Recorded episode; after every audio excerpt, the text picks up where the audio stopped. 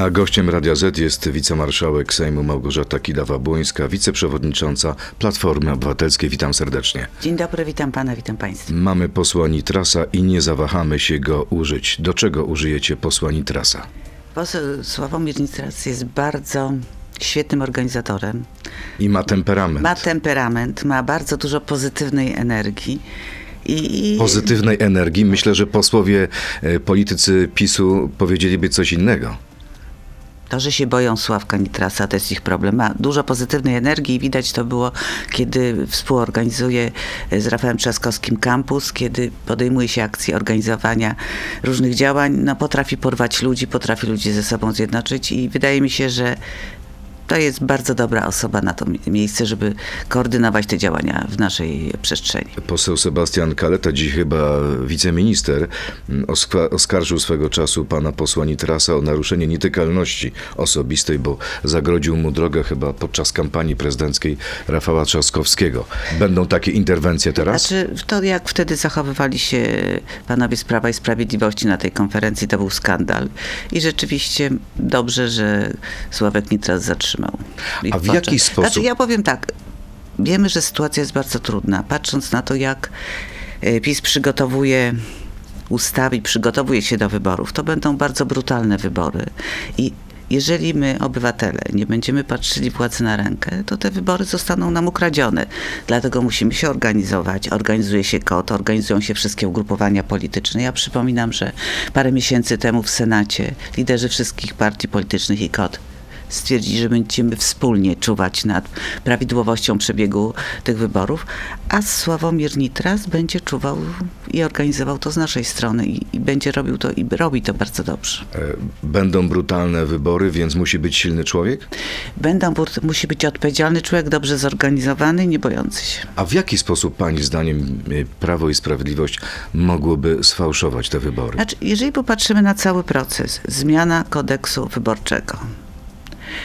yy, wprowadzenie właściwie takiej bezkarności w kampanii wyborczej, że będzie można o każdym powiedzieć wszystko, oczernić i właściwie to sprostowanie ukaże się tak, że go nikt nie zobaczy, a kary finansowe będą znikome. Czyli Mówi pani można... o tej zmianie w kodeksie cywilnym, kiedy jest ta górna granica 15 tysięcy? Tak, a poza tym nie będzie to w tym medium, w którym to się wydarzyło odwoływane, więc można będzie zrobić wszystko. A dotyczyć to będzie chyba wszystkich, nie tylko polityków PiSu, także polityków opozycji. Oczywiście, ale ja, jeżeli popatrzymy na to, co się działo w kampanii, popatrzymy na przykład na to, jak w poprzedniej kampanii premier naszego kraju był potwierdzono, że mówił nieprawdę, że kłamał w kampanii wyborczej. Teraz to nie będzie miało miejsca, bo nikt się o tym nie dowie, bo ten wyrok będzie umieszczony w dzienniku, nikt tego nie będzie czytał. Może chodzi tak naprawdę o kwestię no, pewnego odszkodowania, zadośćuczynienia tego, Chodzi że to, jeśli ktoś nie chce wykonać chodzi wyroku. O to, chodzi o to, że ponieważ rządzenie tej władzy opiera się głównie na kłamstwie, żeby to kłamstwo było bezkarne. Z ostatniego sondażu estymatora mm, wynika, że PiS dostałoby 37% głosów. Poparcie dla partii Kaczyńskiego rośnie. Koalicja Obywatelska 29%. Poparcie maleje. To jest efekt słów Radosława Sikorskiego ale o wahaniu się rządu. się o 0,5%, więc ale naprawdę... różnica jest Ale- 37-29. Ale, ale 8 0,5%. punktów procentowych. Jeżeli popatrzymy na te wszystkie badania, które, bo przecież są różne badania, ro, robią różne pracownie, one pokazują, że PiS tych wyborów nie wygra. Wygra je opozycja. Mówi Różni- pani o sumie mandatów sumie, o i sumie sumie ma- głosów. tak. Bo na I- razie PiS jest numerem jeden. Jest jeden, ale zostaje sam, bo jednak partie opozycyjne mają, będą miały przewagę mandatów. Zresztą, jeżeli popatrzymy na te badania, Platforma ma tendencję rosnącą, co mnie bardzo cieszy, bo właściwie te, mówiło się, że nie dojdziemy do tych 30%. My te 30% w wielu badaniach już przekraczamy. Do wyborów trochę czasu, mozolna praca i odpowiedzialność lidera.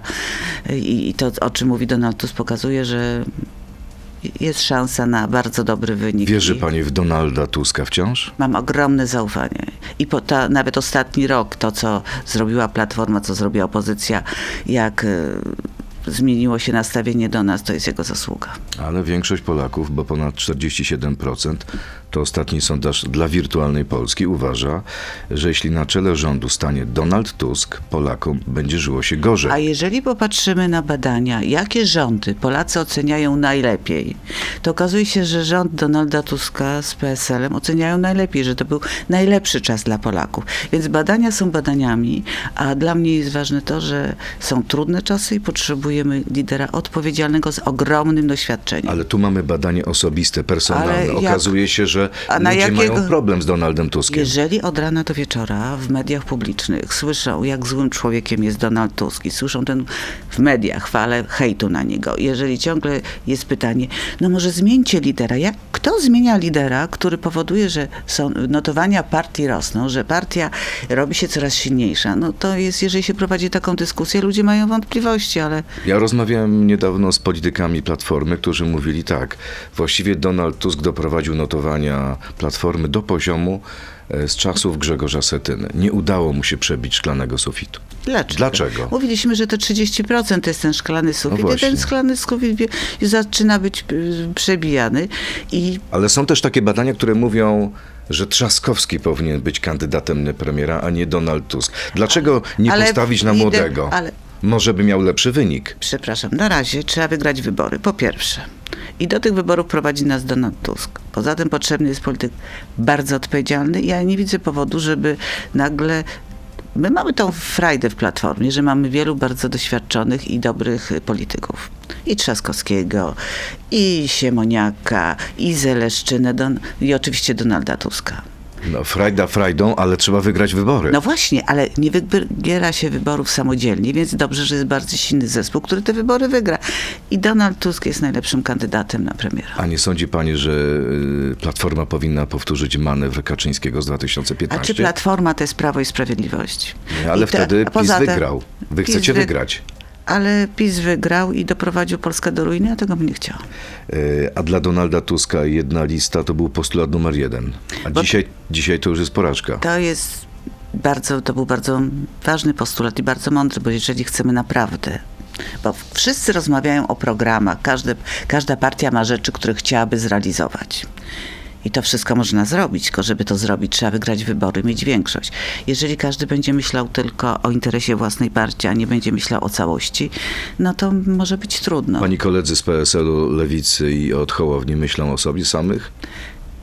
Myślą, ja, ja jestem cierpliwa i mam nadzieję, że, że wiele osób dołączy do nas. No ale nie ma jednej listy i raczej nie będzie. Dziewięć miesięcy do wyborów, poczekajmy. Wszystko jest możliwe? Przez, w polityce przez dziewięć miesięcy wszystko jest możliwe. E, Szymon Hołownia w jednym z wywiadów powiedział, że nie ma co się fiksować na micie jednej listy. Ma rację?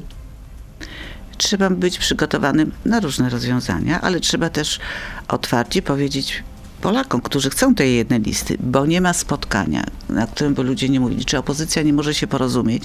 Naprawdę A Hołownia mówi, że na moich spotkaniach właściwie ludzie mówią, przestańcie mówić o tej jednej liście. No bo pokażcie program, pokażcie postulaty. Tylko tak można wygrać z PiSem. Z PiSem można wygrać wtedy, kiedy się zjednoczymy. To po pierwsze. Oczywiście program jest bardzo ważny, ale ja przypominam, żadnego programu, żadnego najlepszego rozwiązania, najlepszej ustawy nikt nie przeprowadzi, jeżeli nie będzie opozycja miała większości w Sejmie. Dobrze, ale uważa pani, że warunkiem zwycięstwa opozycji jest jedna lista, czy już nie? Na pewno byłoby łatwiej, bo ja wiem, że te wybory opozycja wygra. Byłoby łatwiej, pewniej i bezpieczniej. Jest pani ale- pewna? Tak. To jest pewność stuprocentowa, dwustuprocentowa, czy tylko wiara i nadzieja? Pewność, że byłby wynik na pewno lepszy i mielibyśmy szansę do odrzucenia weta prezydenta. E, Gazeta Wyborcza napisała, że Daniel Obajtek był zarejestrowany jako współpracownik Agencji Bezpieczeństwa Wewnętrznego. Powołuje się tutaj na swoich informatorów, a jego oficerem prowadzącym miała być pani Beata Z., skazana za defraudację funduszy agencji. E, Dzisiaj pracuje ona w Orlenie. E, Co jeśli te informacje pani zdaniem się potwierdzą? Niezależnie od tych informacji, pan Obajtek nie powinien pełnić tej funkcji, zajmować tego stanowiska. To powinno być wyjaśnione, ale nawet to, to znaczy, uważam, że niezależnie od tego, on i tak nie powinien tej funkcji pełnić. A to, jeżeli to się potwierdzi, to będzie po prostu pokazywało, jak to wszystko w otoczeniu Prawa i Sprawiedliwości jest y, no, źle działa, jacy ludzie tam pracują. A czy współpraca jakim- pani zdaniem no, ze służbami niepodległego państwa jest czymś obciążającym dla Szczególnie Polaka? z osobą, która potem była skazana, jeżeli pan mówi, za, za defraudację i dalej pracuje. To znaczy, że coś nie działa. Czyli pani zdaniem prezes Obajtek powinien odejść, mimo bardzo dobrych wyników finansowych Orlenu? Wyniki finansowe Orlenu są bardzo może dobre, ale wyniki finansowe Polaków przy y, cenach paliw, które on wprowadza, takie już nie są. Pani marszałek, pora na krótką piłkę. Jeśli Platforma nie wymyśli czegoś ekstra, przegra wybory, tak czy nie? Nie. Czy nie musi wymyśleć, wymyśleć czegoś ekstra? Na pewno to pokażemy, ale nawet bez tego wygramy. Spodziewałam się wyższych notowań po powrocie Donalda Tuska, tak szczerze, tak czy nie? Nie. Szymon Hołownia jeszcze nas poprosi o start z jedy listy, tak czy nie? Nie wiem. Jeśli PSL nie pójdzie z nami, nie wejdzie do Sejmu, tak czy nie? Też nie wiem. Radosław Sikorski powinien przeprosić za swoje słowa, tak czy nie? Nie. Naszym gościem jest Małgorzata Kidawa-Błońska, wicemarszałek Sejmu. Przechodzimy teraz do internetu na Radio ZPL, Facebooka, YouTube'a. To jest gość Radia Z. Pani marszałek, y, oficjalny program partii. Kiedy zobaczymy ten program? Nowy program Platformy Obywatelskiej.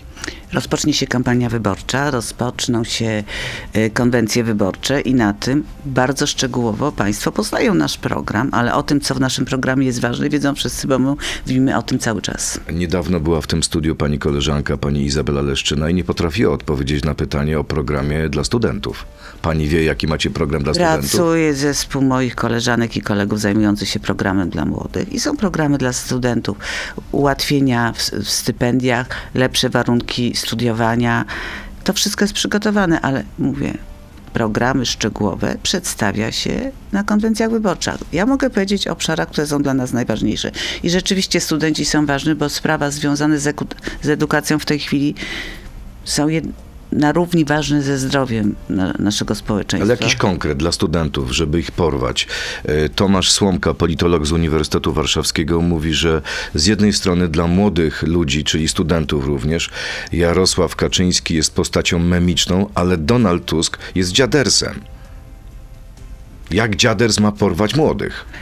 Dlatego, jak pan zauważył i wszyscy państwo zauważyli, my staramy się, żeby o sprawach młodych młodzi rozmawiali z młodymi, bo ja sobie nie wyobrażam, żeby politycy, właśnie jak pan mówi, starszego pokolenia, narzucali młodym, czego, co powinni robić, jak powinni żyć. Jeżeli studenci czy młodzi ludzie, którzy studiują, mają oczekiwania, bo chcą stypendiów, chcą lepszej możliwości studiowania wyższego poziomu, wyższych uczelni, to trzeba im pomóc to zorganizować. I oni na kampusach, na meetupach, na spotkaniach, które toczą się cały czas, przygotowują to i to jest bardzo dobrze przygotowany pakiet. Ale to młodzi powinni zaproponować Donaldowi Tuskowi, czy Donald Tusk powinien zaproponować A nie sądzi młodym? pan, że powinno to się robić we współpracy i jeżeli nie będzie się słuchało tych grup, którym chcemy jakoś życia poprawić, wtedy będziemy popełniać błędy. Trzeba te wszystkie propozycje zgłaszać po konsultacjach, słuchając innych.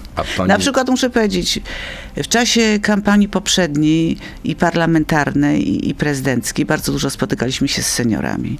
I na tych spotkaniach pojawił się pomysł, właściwie zwrócono uwagę na problem y, tych tak zwanych wdowich rent. Ja to nie nazywam tak, bo to jest jednak, y, dotyczy to także męży. Ten problem się pojawił i dlatego, że właśnie emeryci na to zwracali uwagę z własnej praktyki, wiedząc, pojawiło się to w programach wielu partii. No i w programie Lewicy, o ile pamiętam. Pro, projekt społeczny, ale u nas też jest to dokładnie przygotowana. Pani marszałek, pora na pytania od naszych y, słuchaczy. Y, pierwsze pytanie, Mike, jak pani skomentuje ostatnie wypowiedzi Janiny Ochojskiej? Nie, nie wiem, o które... To ja może właśnie- zacytuję. Wiemy, że na granicy zginęły 34 osoby. Jeśli się okaże, że jest ich więcej, to dla mnie jest ludobójstwo, powiedziała pani koleżanka z Parlamentu Europejskiego. Bardzo emocjonalna wypowiedź, ale to prawda. To straszne, że na polskiej granicy y, gi- giną ludzie, że odnajdujemy, ciągle straż odnajduje osoby, które umarły, czy y, nie uzyskały pomocy i to jest dla mnie straszne. A kto za to odpowiada, Łukaszenka czy polski rząd? Odpowiedź leży, po, że te osoby znalazły się w bardzo trudnej sytuacji, bo Łukaszenka wykorzystuje je w sposób straszny, a ze strony polskiej na naszej granicy pomoc nie przyszła na czas. Czyli pani zdaniem, jeśli tych ofiar będzie więcej, to będzie ludobójstwo? Zgadza się Nie, pani z panią Wiemy, jaka poseł? jest definicja ludobójstwa. To nie jest ludobójstwo, ale śmierć każdej osoby, każdej osoby jest zawsze wielkim dramatem i chciałabym, chyba każdy z nas chciałby, żeby na polskiej granicy takie sytuacje się nie zdarzały. Łukasz Pol, jak opozycja chce rządzić po wyborach, skoro już teraz, 10 miesięcy przed tymi wyborami, nie potraficie się dogadać? To co dopiero jak trzeba będzie podzielić stanowiska? Może trze- potrzeba czasu właśnie teraz, żeby nabrać do siebie zaufania, bo to zaufanie potem będzie bardzo potrzebne i może ten czas jest właśnie po to potrzebny, żeby potem już zająć się tylko działaniem. Damian Lebuda, Donald Tusk premierem w 2023, Rafał Trzaskowski prezydentem w 2025. Pani marszałek jest za czy przeciw? Bardzo mi się to podoba. Czy katolicy mogą jeszcze głosować na Platformę? Ten sam pan Damian. Oczywiście, że tak. Oczywiście, że tak. Dlatego, że powinniśmy głosować na ludzi odpowiedzialnych, uczciwych, którzy nie kłamią, którzy są tolerancyjni i szanują innych ludzi. Nawet jeśli Platforma zmieniła swoje stanowisko w sprawie aborcji? Platforma nie zmieniła, tylko mówimy o tym, skoro to nie Platforma doprowadziła do tego, że ta ustawa przez wielu nieakceptowana, ale zachowująca jakiś równowagę nie istnieje. Uważamy, że kobieta, której to dotyczy, powinna sama takie decyzje podejmować. Daniel Banasiak. Wczoraj mieliśmy jedną z, nielicznych, jedną z nielicznych niedziel handlowych. Jakie jest ostateczne stanowisko Platformy co do otwartych sklepów w niedzielę? Nasze stanowisko było takie, że zawsze mówiliśmy o tym, że to powinna być dowolność i sklepy, jeżeli chcą, powinny być czynne. Tym bardziej, że wielu Polaków naprawdę korzystało z tego i było bardzo zadowolonych. Nie premier, to jest nasz kolejny słuchacz. Kiedy Platforma zrozumie, że elektorat Polski 2050 to po pierwsze byli wyborcy Platformy, którzy teraz stanowią elekt- elektorat negatywny Donalda Tuska, po drugie osoby, które mają dość wzajemnych nawalanek popisu, raczej zostałyby w domu niż poszły do wyborów. Znaczy, w- to są takie wybory, że nie można na nich zostać w domu, dlatego że to są bardzo najważniejsze chyba od 89 roku wybory i zostanie w domu to jest potwierdzenie, że jest mi wszystko jedno i że PiS może rządzić dalej. Maciej D. Czy w związku z aferą korupcyjną w instytucjach Unii Europejskiej Donald Tusk powinien opublikować swoje aktualne oświadczenie majątkowe?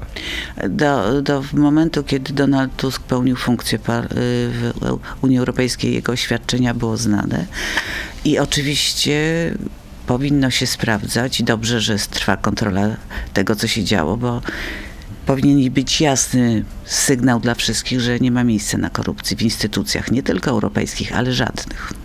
A myśli pani, że tu może być jakiś problem z oświadczeniem majątkowym Nie, żadnego. Donalda Tuska? Żadnego. Każdy wie doskonale, co i jak Donald zarabiał. Zresztą nie, dwa lata temu, zdaje się, jego oświadczenia jeszcze były. Dariusz Polska, czy jak wróci Platforma, to sprywatyzuje wszystkie państwowe firmy? Czy będzie powrót do zarobków 10 zł za godzinę, czy gdyby natura chciała, to by zrobiła przekop mierzei? To jest nawiązanie chyba Duże do... poczucie humoru.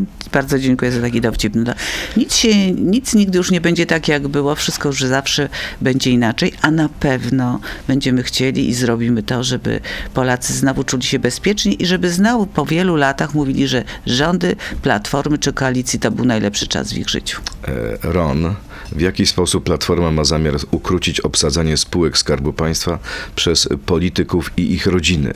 Czy będziecie mydlić oczy wyborców, że wasi koledzy to eksperci, czy też będziecie mieli odwagę przyznać, że jedyną metodą na ukrócenie tego procederu jest prywatyzacja spółek Skarbu Państwa?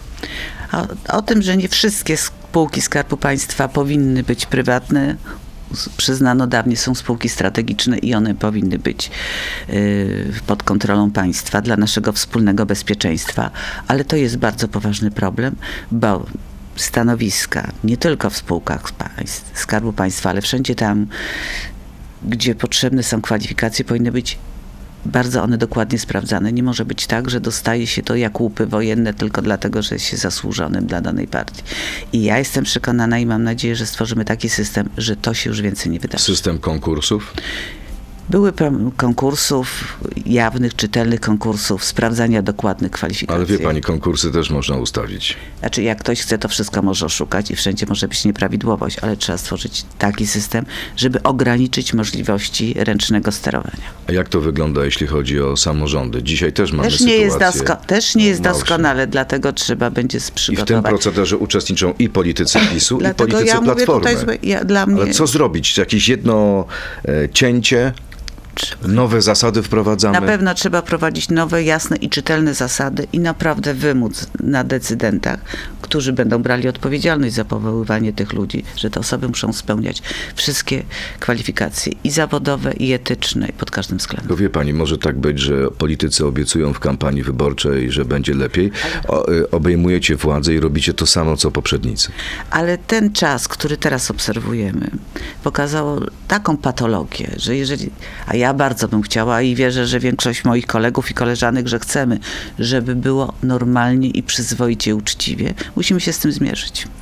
Czy Senat powinien jak najdłużej pracować, Pani zdaniem, nad kodeksem wyborczym, tak aby te zmiany weszły już w tak zwanej ciszy legislacyjnej? Bo wiadomo, że pół roku przed y, wyborami nie mogą wchodzić istotne zmiany dotyczące ordynacji.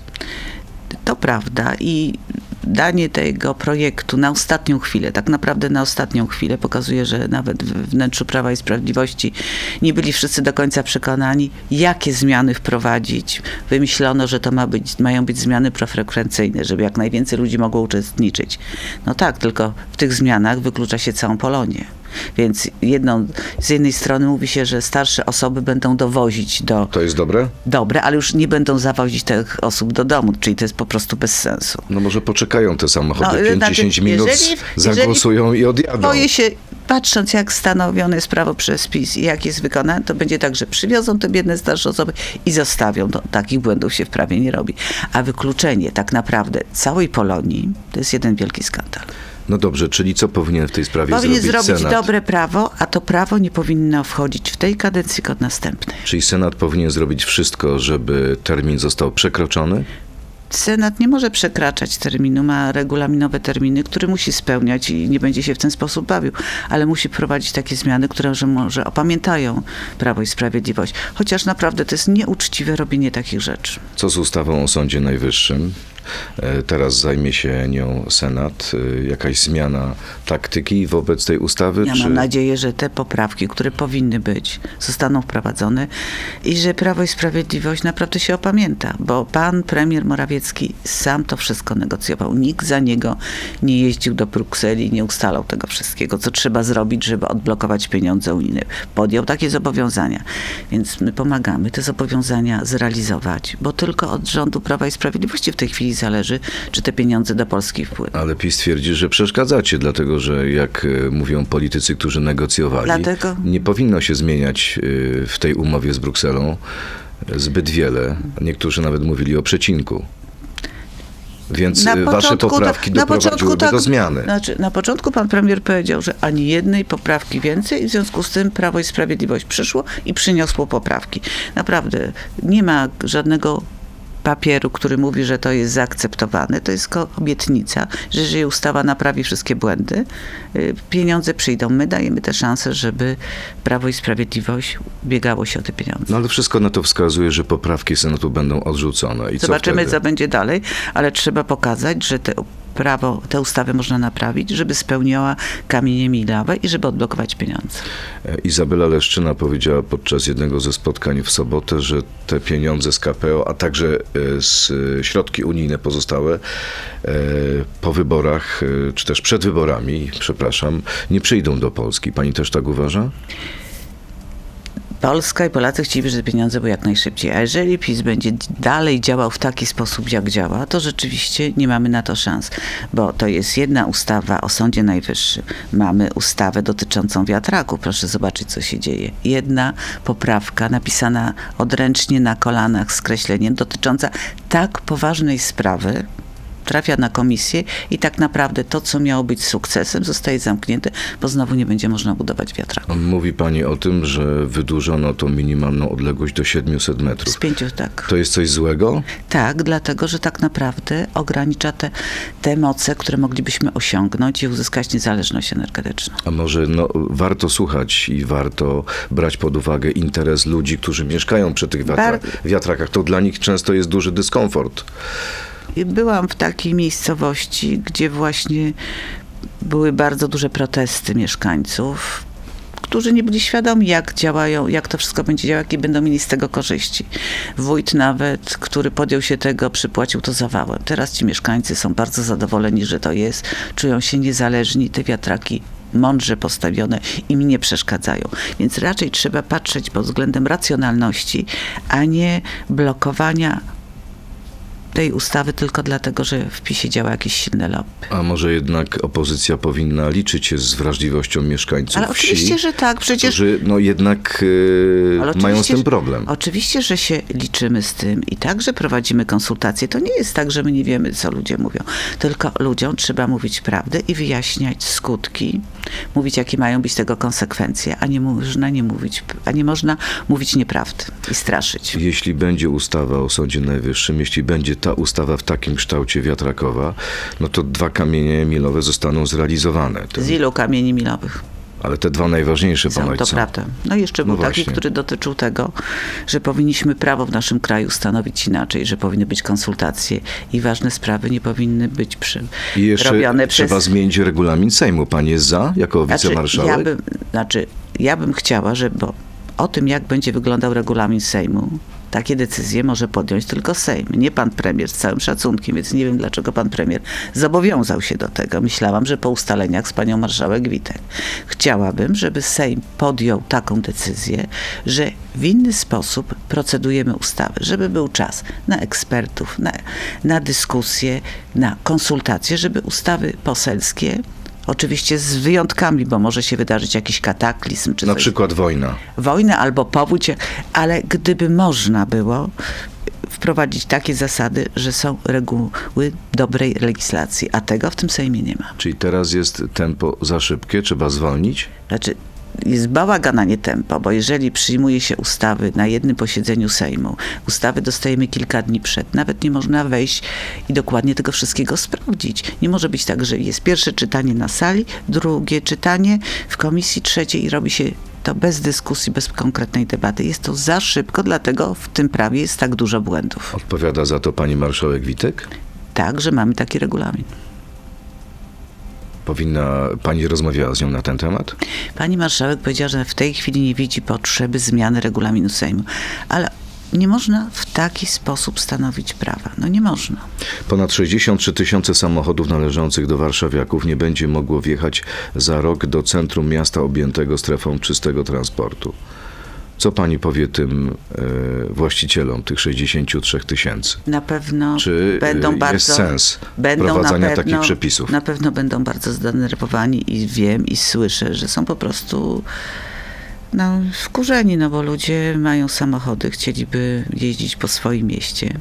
I to jest ich bardzo, ja ich rozumiem, ale z drugiej strony nie może być tak, że w Polsce około 60 tysięcy ludzi umiera z powodu smogu i zatrutego powietrza. Trzeba przygotować takie działania, żebyśmy eliminowali zagrożenia, ale rozumiem tych ludzi, bo to jest moim zdaniem za krótki czas. Czyli może za szybko wchodzą takie przepisy w życie? Może trzeba się jeszcze się wstrzymać? Tutaj, mam, tutaj bym się zastanawiała. Wiem, że trzeba do tego dojść i tak się dzieje na całym świecie, ale dla wielu ludzi jest to bardzo, bardzo niezrozumiałe i bolesne. Statystycznie najwięcej takich pojazdów e, należy do mieszkańców dzielnic Rembertów i Wesoła. Prawie 15%. To może być problem dla Platformy, jeśli chodzi o wybory lokalne. Y, Na pewno i pan prezydent, i radni muszą się z taką z czymś mierzyć. Czyli a prezydent powinien się jeszcze zastanowić, mówię o prezydencie Trzaskowskim, nad tą Ja decyzją? rozumiem, że podejmując trudne decyzje, trzeba myśleć też o przyszłości. Nie można tylko myśleć o danej chwili i o tym, że musimy zrobić coś, żeby w polskich miastach oddychało się lepiej, żeby ludzie tutaj nie chorowali, żeby dzieci mogły chodzić na spacery. Zdajemy sobie sprawę wszyscy, że to trzeba zrobić. Walczy się z kopciuchami, także zaczyna się proces, że trzeba ograniczać samochody, które mają, wydają wysoką emisję. A pani już myśli o wyborach w sensie osobistym, indywidualnym? A osobistym jeszcze nie, ale chciałabym kandydować. E, W tym samym miejscu, w którym poprzednio? Za wcześnie jeszcze o tym mówić na razie trzeba. Zobaczymy, jakiej konfiguracji pójdziemy do wyborów, kiedy będą te wybory. Mogłaby pani wystartować do Senatu, czy raczej Senat panią nie interesuje? Na razie, ja bardzo dobrze czuję się w Sejmie, na razie mówię, do wyborów jeszcze bardzo dużo czasu i trzeba się do nich przygotowywać nie w kategorii list, tylko tego, jak rozmawiamy z Polakami, jak przygotowujemy rozwiązania z dyskusji z nimi, mobilizując ludzi, przygotowując się do wyborów. Listy to jest wisienka na torcie. A jak często wiceprzewodnicząca partii rozmawia z szefem? Dość często. Na przykład raz w tygodniu, czy no, częściej? No, nie, nie, nie, raz w tygodniu to bez przesady, ale co kilka tygodni tak. Raz na kilka tygodni. To jest chyba rzadko. Nie, to jest wystarczające, dlatego że rozmawiamy wtedy, kiedy są potrzebne rzeczy do ustalenia. No trudno, żeby co pięć minut spotykać się z przewodniczącym. Każdy wie, co ma robić i musi te rzeczy robić. Donald Tusk jest otwarty na pani pomysły, na pani sugestie? Zawsze bardzo dobrze nam się rozmawia. I akurat w wielu sprawach myślimy bardzo podobnie. Jest lepszym szefem niż Borys Budka? Donaldem Tuskiem jestem od początku w polityce i mam do niego ogromne zaufanie i dla mnie jest najlepszym szefem, jakiego miałam do tej pory. Małgorzata Kidawa-Błońska, wicemarszałek Sejmu, wiceprzewodnicząca Platformy, była gościem Radia Z. Dziękuję bardzo Dziękuję. pani marszałek, miłego dnia. To był gość Radia Z. Słuchaj codziennie w Radio Z i na player radioz.pl.